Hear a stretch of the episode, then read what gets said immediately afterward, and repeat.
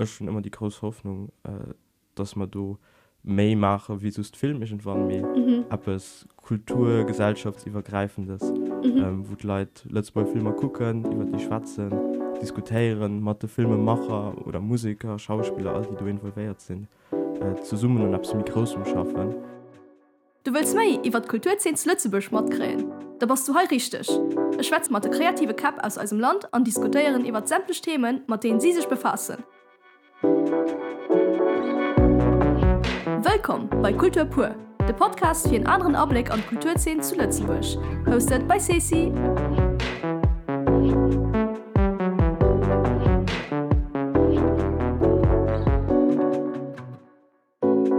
Willkommen in einer neuen Episode von Kultur pur. Zu Gast haben wir den Lukas Grevis, äh, hinaus Filmdirektor und noch Schriftsteller. Ähm, oder? Also, hat ja oh, schreibe noch Sch- genau schreibst ne? ja.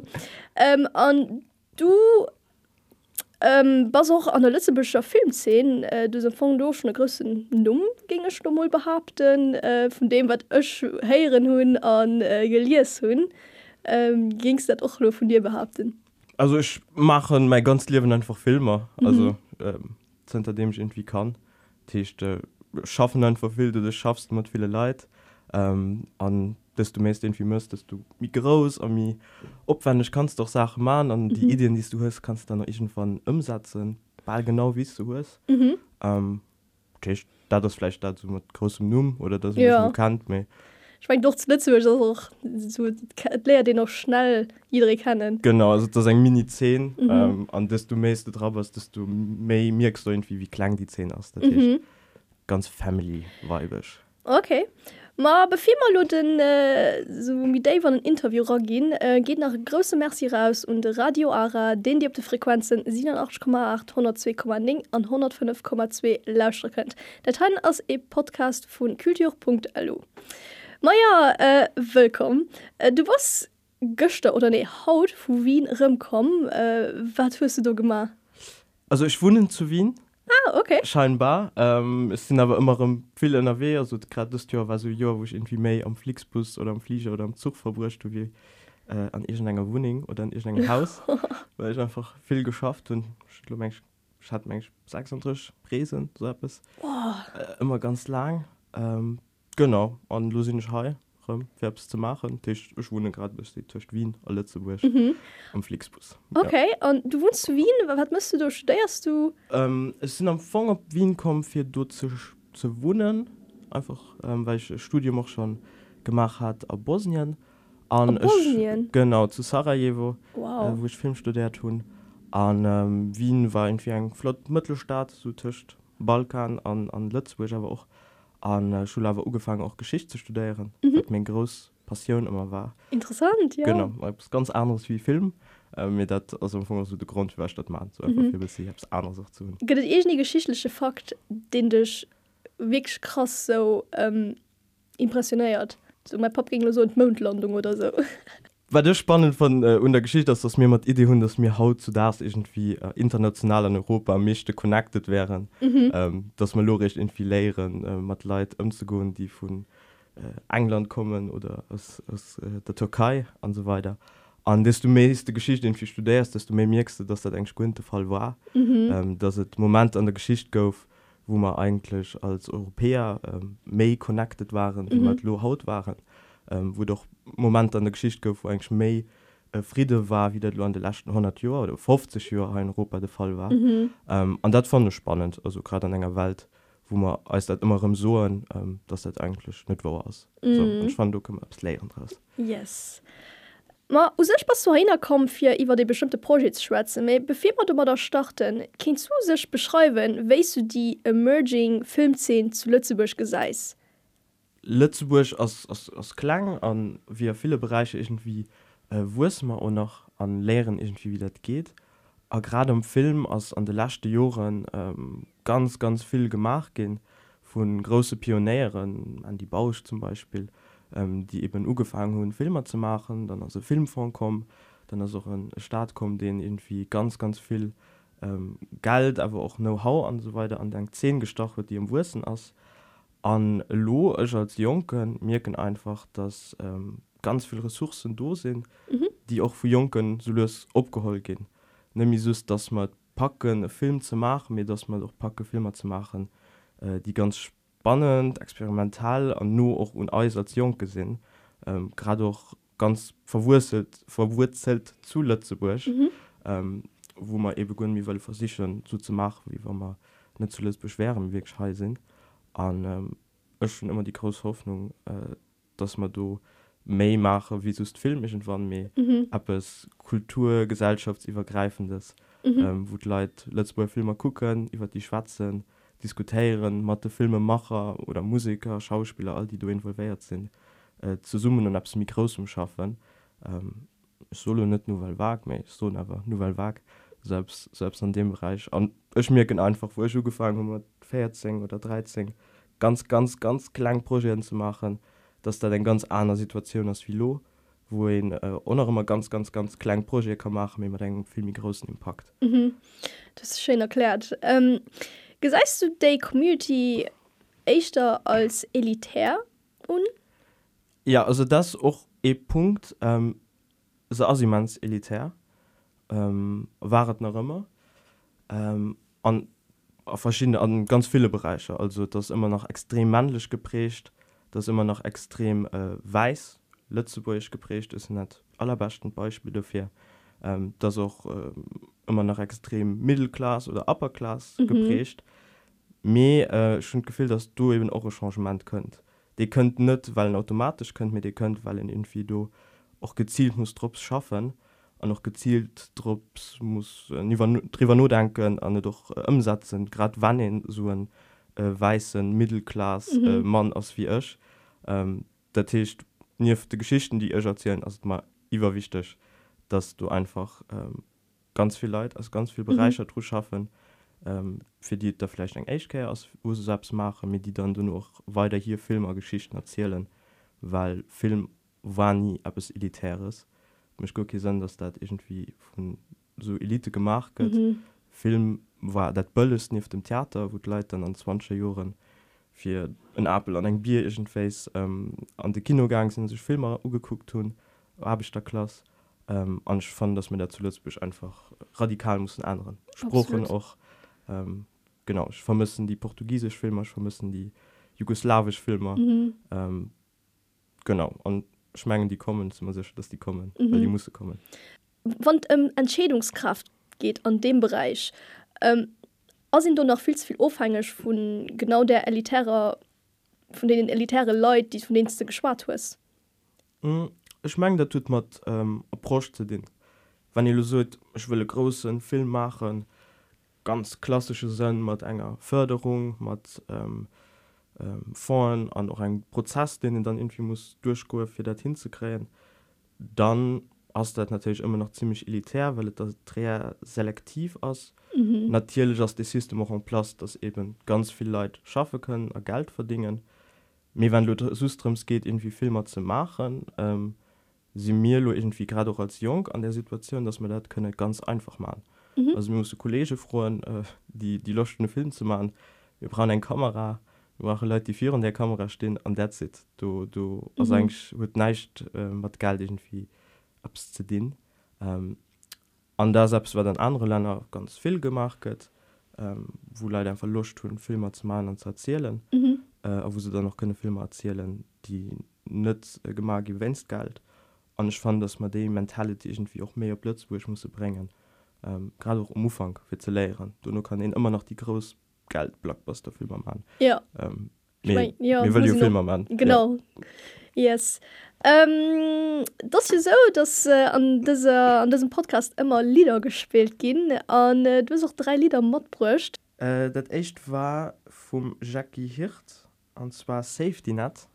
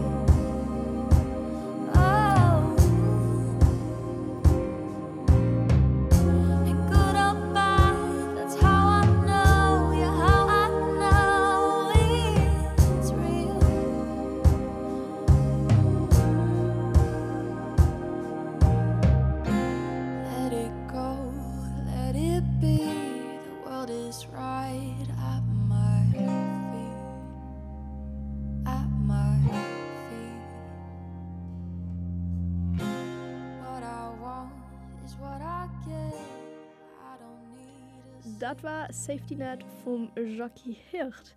Ma dann passen dort so ähm, kommen am Funk zum Hauptthema von dieser Episode und zwar Appelabieren. Ähm, erzähl mal mal, um was geht es an dem Film?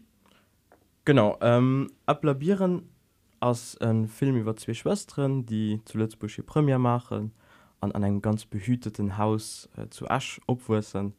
Ähm, an äh, Sophia, also als Hauptpersonagen äh, Schwester vom Joan dat also bisschen äh, irgendwas nicht so ganz weswur will hin aus engem Liwen ganz schei ganz am schiiert vu Schwester Joan wat de Gegen von von ist. also hat huet groß plant will op Wien studiere go will op Samutraki äh, Roadtrip machen direkt äh, nur der Premier huet viel freien Kollegen äh, gut äh, sag liebeslehrwen geschlummel so an ähm, befir eben all die Dreh an all die vierstellungen die hat huet sech können umsätze geschie es ähm, war dem verhindert das hat die ganz Rees an die Drehm umsätze kann Mhm. an äh, Sophias Schuld run oder dank zumindest dass het Schuld wär an ähm, überhölt dann Liwen an Plan andrehen vu Sängerschwester Me willst du net verrode Ja. ja. Film den es wirklich Lützeburg durch ganz Europa ähm, bringt ob ganz ganz viel verschiedene Platzn mhm. ähm, an eben alles aus enger Perspektiv von engem klangen jungen ähm, letzte beier Mädchen wat Gunne so wirklich schwes wat Platz in der Wald das aber eben opwiest doch ob, äh, ob Lützebäuerisch das op Lützebäusch an ich gif behaupte richtig op Lützebäusch weil das an denen fünf Lützebäuer spruchen die ich so immer nennen uh -huh. ähm, der Tisch der Film also Plötzeburg ob Deutsch ob Franzisch ob Englisch und ob Portugiesisch okay. ähm, an die Spprochen die äh, begehen beim ganze Film rum weil ähm, man eben auch an Europa in Erwese wo Sophia dann eben martinische Spruche kommuniziere kann die mir auch lehren mhm. ähm, was ganz spannend war weil der dann Rhythmus an auch Dialoge verändert ähm, Me, ähm, für ausmensch habs es aus mir einfach gewinnt sind dass mir die ja.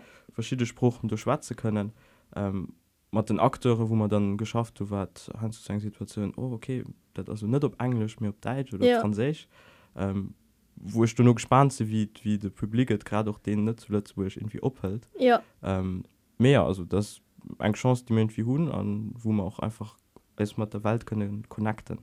Die Idee ist auch so das so no zu der Lützburger Realität an ähm, das halt abs bei den Haien net oft ze gesikret weil mir die ganze Zeit den Filme aus dem Ausland gucken. Mir gucken äh, Sendungen aus dem Ausland Sendung aus Deutschland so weiter an nie App zum original Litzeburges man eng ähm, original Litzeburgschen äh, Background. Dafür ist sie mehr gespannt.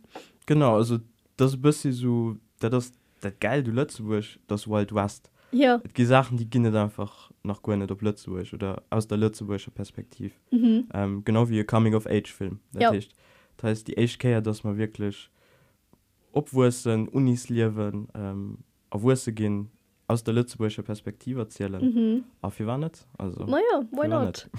ähm, die hut do hier in äh, Kickstarter gehabt. Ähm, schon eng stofonisch mich schon hu dir do kein Sue vom Filmfond gefrot oder wie hu der missen an öffentlich geht go Mm, missen. Dat war von den andere Wolle vom Projekt wo ich auch wer stolz top sinn. Mhm. ähm, den sind noch net schon lang. Also schnell mam Louis Gras zur Summe produziert sieben acht Länder gedreht äh, über den Zeitrahmen von halb Joer. Mhm. mir se net fertig. Mit rennen nach zu Lützburg weiter mat äh, 25 Akteuren ganz großen Ekippen also das sind über 100 Leute involviert an dat wär net méch gewicht dat lo lo zu man also Mm, die Idee war mhm. mhm. komm mir mal net klang wir wir machen net gut wir machen mat denen Mo an die man hunn bissche Geld brauchen wir mir der fromm einfach die Leute bausen fromm de Publikum er könne gleichzeitig auch schon über den Film schwatzen Mhm. ähm, er können eben auch weisen ja wir können so Film auch ohne Großförderungen machen an wie lang dauert dat du sech wann beim Filmfond oder bei bei der bei der Övre oder wo auch immer suen ufred befehl also ja. Also das ganz äh, unterschiedlich ähm, lo Erfahrungen wo bei, bei Mengen andere Projekte oder bei Mengen echte Longmetrage also auch relativ schnell gang weil man dolo auch nicht so riese Budget hatten ähm, mir sind immer drei Feier fünf können einfach sechs sieben Jahre sind Mhm. wie so Projekte von der echter Skriptidee bis bis op äh, de Schnat in wieder fertig ist. Boah. Peter ja also schwangen mein, sind eng ziemlich ungeduldig Person ich wie auch so okay wie holen so das kann man net lo ich auch, ich auch. du willst äh, was so ablabieren ab es ganz erfrischendes ja. dem ganze warden weil war wirklich ähm, also ball für an engem Joer hun ich die ich Margarita äh, drüber geschwar mhm. für den Film zu machen lo Joer Drps äh, drehen immer gleich fertig. Dat heißt, ähm, haben mir dann engem Jahr gepackt zu drehen. Mhm. die Hut an dem Projekt auch mat ganz vielen äh, anderen Artisten gesch äh, geschafft äh, sie wird Musiker Musikerinnen ähm, oder auch ich weiß nicht also wen von der letztebüscher Kultur Kultur 1000 do probiert so anzubannen? Also genau wüke dass man Film über Jugend machen ähm, möchte irgendwie auch Sinn dass man du all die Jung du abwannen an noch so die Stimme von den Jungen irgendwie abwannen äh, der Tisch mir zum angen etabliert Schauspieler die man machen der, Mhm. der Luke Schild den den Kapitani spielt äh, Sascha Lei dann haben wir aber auch ein bisschen mehr, ähm, ähm, Newcomers am Film mhm. aber an anderen Bereiche nicht so den Child zum Beispiel spielt für die Ah. HK ein äh, kleinen Hauptnierroll ähm, dann haben wir auch äh, die Iram das spielt doch zu Wien ein, ein kleine Rolle wie cool. Ähm, gleichzeitig schon auch international jung bekannt Leute äh, wie Zafira Robbins von Wien weil im Burgtheater spielt den Aaron Givenchy ähm, den die viel an Deutschland Serien drängt oder auch Elsa Lekako aus Griechenland weil Lo a Greek Salad mod gespielt wird ähm, und dann eben auch wirklich Musiker die dann als hier Personagen am Film auftauchen ähm, der Max Thomas den Radial spielt sein Mhm. Musikprojekt den dann auch wirklich op Wien kommers an du als das Radial Mod gespielt wird was cool. ziemlich cool war an eben auch äh, Musiker die halt hier Musik an den Film mat draufläse losen an nicht so als Musik die drüber lebt mir als Musik die Personage sagen mhm. ähm, was ich immer ziemlich cool fand weil da wirklich eng Dynamik an Szenen bringt du Hummer ähm, Tuis die Musik beigesteuert wird Mhm. äh, äh, radial de male gar ähm, genau du bis sie von allem die, die sich, ja. Ma, passend dazu können wir jo äh, das Radial spielen. Mich ja wie äh, wie so komplizierte Nummer. Extra, extra, extra, extra, extra genau.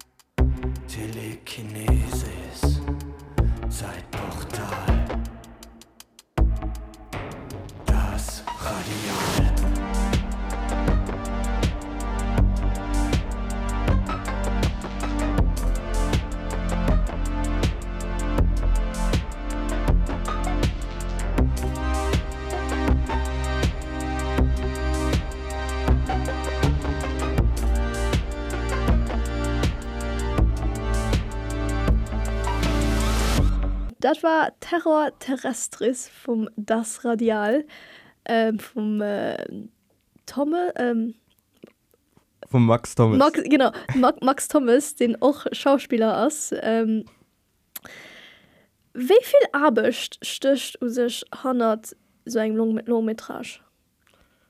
Ähm, ich weiß nicht ob ich das irgendwie numere kann. Das aus viel zu viel Arbeit also du gerade bei so Projekt wo ihn dann viel mehr machen muss wie ihn eigentlich Mist machen mhm. ähm, du sind dann du sind dann ein Handvoll von Leute die eigentlich Leben mehr haben außer den Film dort zu machen Mhm. ähm, also muss ich feststellen wenn in drei Tagen irgendwie das sind immer so elf Stunden wo man drehen dürfen legal sozusagen ähm, das sind hunderte Stunden hun- also Tausenden die ich für einen Tag dort zu planen weil mhm. eben auf dem Moment alles muss funktionieren. Mehr wenn ich so Longmetrage möchte dann da kann eigentlich alles andere ähm, knacken. Dann hast du es noch Oh, den Film. da lief den durch an der Welt. Ähm, und da sind froh wenn er dann noch fertig ist weil einfach auch extrem und Substanz geht das will er doch gut nicht glorifizieren dass das so schön aus die Arbeit also mhm. Ähm, du musst ihn gut op sich oppassen die noch nicht übertreiben. Mhm. also es kann nicht auch mal ganz schnell schief gehen. Mit das immens viel Arbeit. Mhm. Ja ich noch schon von äh, SchauspielerInnen heren da sitzt äh, ein so körperlich eng mega schwer Arbeit ist, weil erstens muss ganz viel warten ums hat und zweitens halt so drehst auf Platzen die zum Beispiel mega kahl sind ähm, und wann was so Situationen geschehen du als Direktor hast du du einen gewissen Verantwortung also komplett ähm, als Direktor auch als Produzent bei Mhm. Filmer so nicht immer so so du hin einfach so als Reminder mir wann irgendein Apps geschieht wann irgend den du stirft schon gewiss Legalverantwortung noch irgendwie moralisch. Ähm, der Tisch du stehen immer ganz viel Lieben irgendwie auch im Spiel. Weil wenn du 50 60 Leute und Plateau sind an diesen also du weilst du die ich weiß nicht, verreckten Idee hast dass du äh, Velo verfolgt wird von einem Auto mhm. dat as Schener gut äh, das vielleicht auch interessant für de Filme as wirklich der Wert dass einem du abs geschieht. Ja. das für mich das auch immer die die Obwertung do an auch einfach mat Arbeitszeiten. Also ich fand et gött ganz wenig reasons so dass in so verkappt also kreativ als also artistisch da sind dann sind crew du zwängt stunde lang noch um Satze hanken. Ja. Weil du den Lichtschein oder de Black vom Akte nicht gut von hast also ähm, es sind du sehr pragmatisch okay. froh, interessant schnell ähm, gut an guter guter Laun irgendwie zu summen aufs Pferde strähnen dass man dann noch können äh, guter Laun ustoßen ähm, eben nicht überstrapazieren. mhm.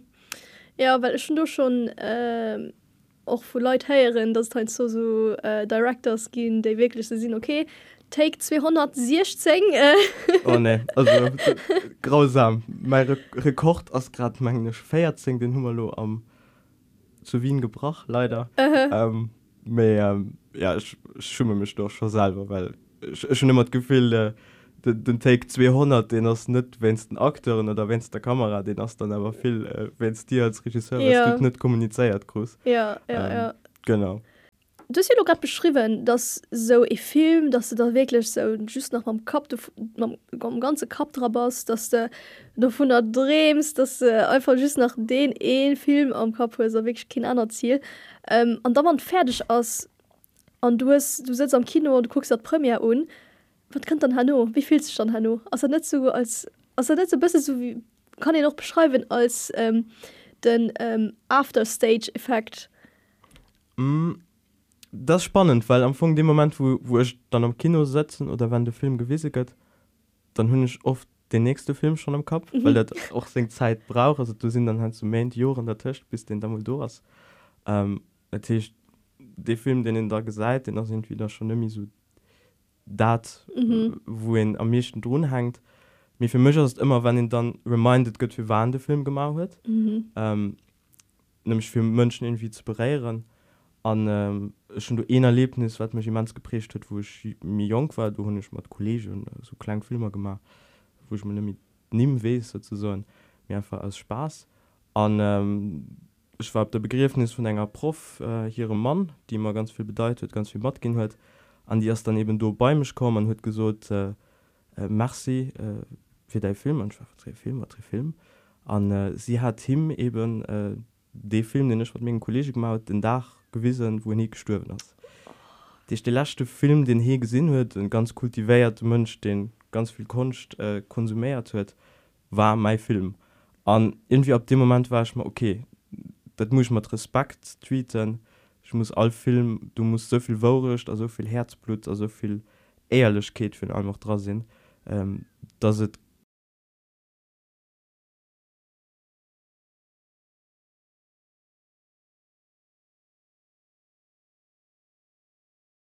Momente einfach. Das mega schön. Merci für Sharon. Ähm, toten aus sich so eng eng Geschicht woch man denke so dat precht en och so ne? Mhm. ähm, dat läuft an der memory henken.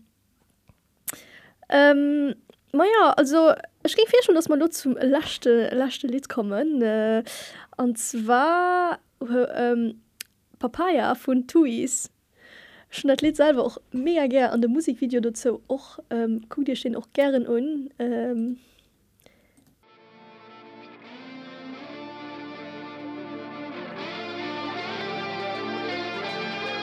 Papa.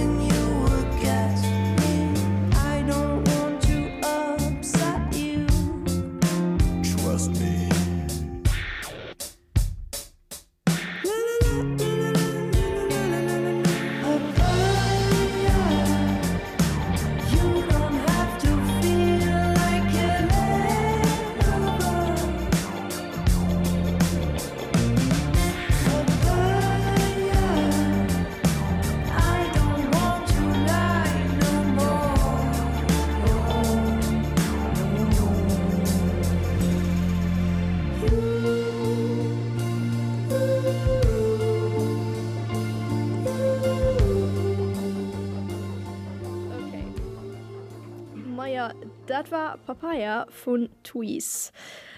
Ähm, Komm auch nur zu der Lachter froh an dass eng froh die drin gestalt krit und zwar wat willst du die Leute bei mat gehen äh, dass in sich nicht so viel strasse soll mit all den Sachen wo ihr meint das wichtig sind ähm, weil irgendwie all da an einem Moment am Moment äh, weisen eng dass das alles überhaupt nicht wichtig ist mhm. dass es einfach darum geht äh, die die man all gern hun um sich zu hun an das macht nie wissen wenn die die fort sind ähm, genau also straße ist nicht so viel die mir wichtig Sache yes.